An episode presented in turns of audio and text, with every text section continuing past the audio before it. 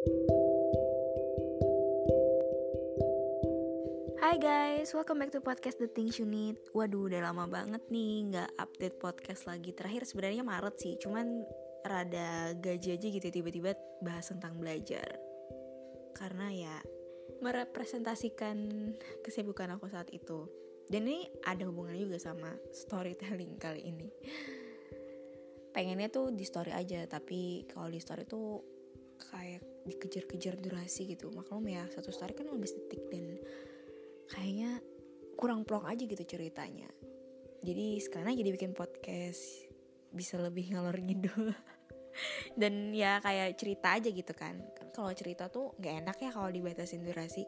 Podcast kali ini jadi sebelumnya buat temen-temen nih udah mau satu menit lagi buat temen-temen yang tiba-tiba dengerin podcast ini terus nggak tahu story sebelumnya jadi aku tuh bikin story. Aku pengen storytelling time nih kata enaknya via suara apa tulisan. Maksudnya tulisan tuh posting tulisan gitu kan. Dan yang banyak milih lewat suara aja jadi sekalian bikin podcast gitu. Judulnya sebut saja tentang sebilah pena. Waduh. Jadi berhubungan sih sama aku cerita sebelumnya kan kesibukan aku. Sekarang bulan Mei kan nih bakal di post bulan Mei insya Allah.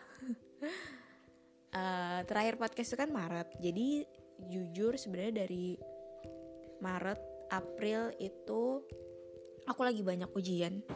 Bukan konotasi ujian kehidupan tapi emang eh tapi ada juga sih ujian kehidupannya lah kak curcol. Lagi banyak ujian di pendidikan profesi aku. Jadi lumayan ketumpuk. Jadi dalam dua minggu bahkan dua minggu itu kayak estafet gitu loh ujiannya. Bahkan aku tuh punya satu cuma satu kan baju ujian putih hitam gitu jilbab terusan gitu cuma satu. Jadi karena saking estafetnya bener-bener cuci kering pakai cuci kering pakai dalam dua minggu itu. Sebenarnya cuma tiga sih ujiannya kalau nggak salah. Eh empat gitu. Terus nah hubungannya sama sebut saja tadi judulnya sebelah pena apa jadi bukan tentang ujiannya sih. Cuman kan persiapan sebelum ujiannya pastinya harus belajar kan. Aku tuh tipikal orang yang belajar sebenarnya dominan lewat audio. Tapi ya tetap ada visualnya. Jadi visualnya dengan cara membaca catatan teman alias orang lain. Jalan ninja banget ya. Karena sebenarnya aku nggak terlalu suka nyatet. Maksudnya nggak istiqomah aja gitu. Bisa bisa nyatet cuman nggak nggak selesai gitu kalau nyatet. Jadi mending kalau kepepet pinjam catatan orang terus paling tinggal ditambah tambahin catatan kecilnya gitu kalau aku cara belajar waktu itu karena lagi masa-masa persiapan mau ujian aku tuh pengen banget nyatat dari fotokopi orang itu aku tambah tambahin gitu kan Nah aku itu karena mensiasati kemalasanku untuk mencatat, aku tuh pengen cari pulpen yang enak gitu. Ya, ini mulai bahas ya. Kenapa jadi ini judulnya pena alias pulpen. Aku nyari uh, di minggu-minggu sebelumnya itu bener-bener aku nyari selama beberapa minggu. Dari yang awalnya cuman iseng ke toko ATK sampai bener-bener niat cuma buat cari pulpen tersebut. Yang pulpennya tuh ya satu itu yang aku pengen gitu karena aku ngerasa enak aja gitu pakai pulpen itu ini bukan minta endorse pulpen sih nggak cuman emang cerita tentang pulpen kan. Nah terus nggak dapet. Pernah ada di toko ATK yang ATK tuh apa alat tulis kantor kan ya? Toko ATK nemu tapi ternyata nggak ada warna hitamnya. Aku tuh nyari warna hitam doang udah.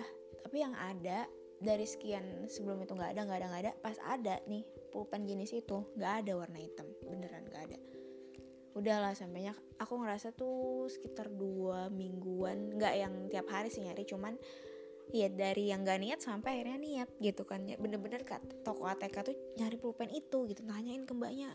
Beberapa toko ATK itu aku datengin nggak ada pulpen itu. Ya udahlah akhirnya ya ujian tetap berlangsung dong. Terus bulan Ramadan sampai akhirnya mendekati Idul Fitri. Ada nih uh, dapat dapat hampers gitulah cilah hampers bahasanya pokoknya ada ada seorang teman aku yang berbaik hati. Nggak ada angin nggak ada hujan. Tiba-tiba tiba-tiba ngasih aku ngubungin aku mau kirim hampers. Terus datanglah hampers itu. Waktu aku buka paket paper bag gede gitu. Isi paper bagnya ada hampersnya isinya makanan. Lumayan gede gitu kotaknya. Paper bagnya juga gede. Terus udah kan aku keluarin aku lihat. Di dalamnya ada uh, tadi kan makanannya sama kartu ucapannya gitu.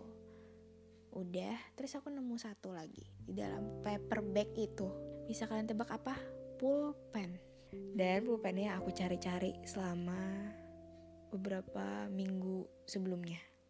Yang bener-bener aku coba cari persis kayak gitu tiba-tiba ada di dalam hampers itu. Persis banget pulpen yang selama ini aku cari sebelumnya sampai ke warnanya.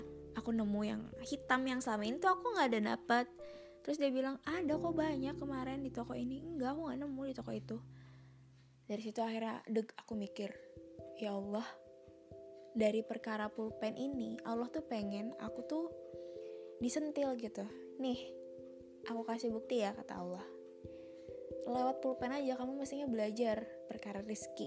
Yang namanya rizki itu nggak mungkin ketukar nggak mungkin salah alamat jadi cerita lucunya di balik hampers itu adalah aku kan nemu pulpen itu tuh aku langsung menganalisa dong fakta yang terindra. Maksudnya faktanya ada pulpen di situ, ada kartu ucapan, dia lagi ngirim hampers temen aku gitu kan.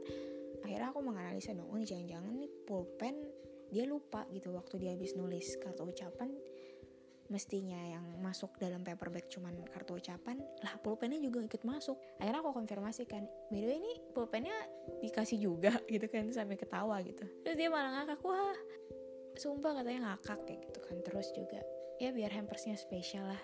Di situ aku bilang ini tuh pulpen yang aku cari selama ini. Perkara pulpen doang. Cuman ya itu tadi dengan dia ngerasa nggak sengaja gitu. Aku juga ngerasa konyol banget tiba-tiba dapat pulpennya tuh di hampers yang nggak sengaja taruh gitu pulpennya. Dan akhirnya yang dikasih. Di situ aku mikir ya ini tuh salah satu momen Allah itu pengen nyentil aku. Lagi-lagi ngingetin aku gitu bahwa Rin ini loh Rizky.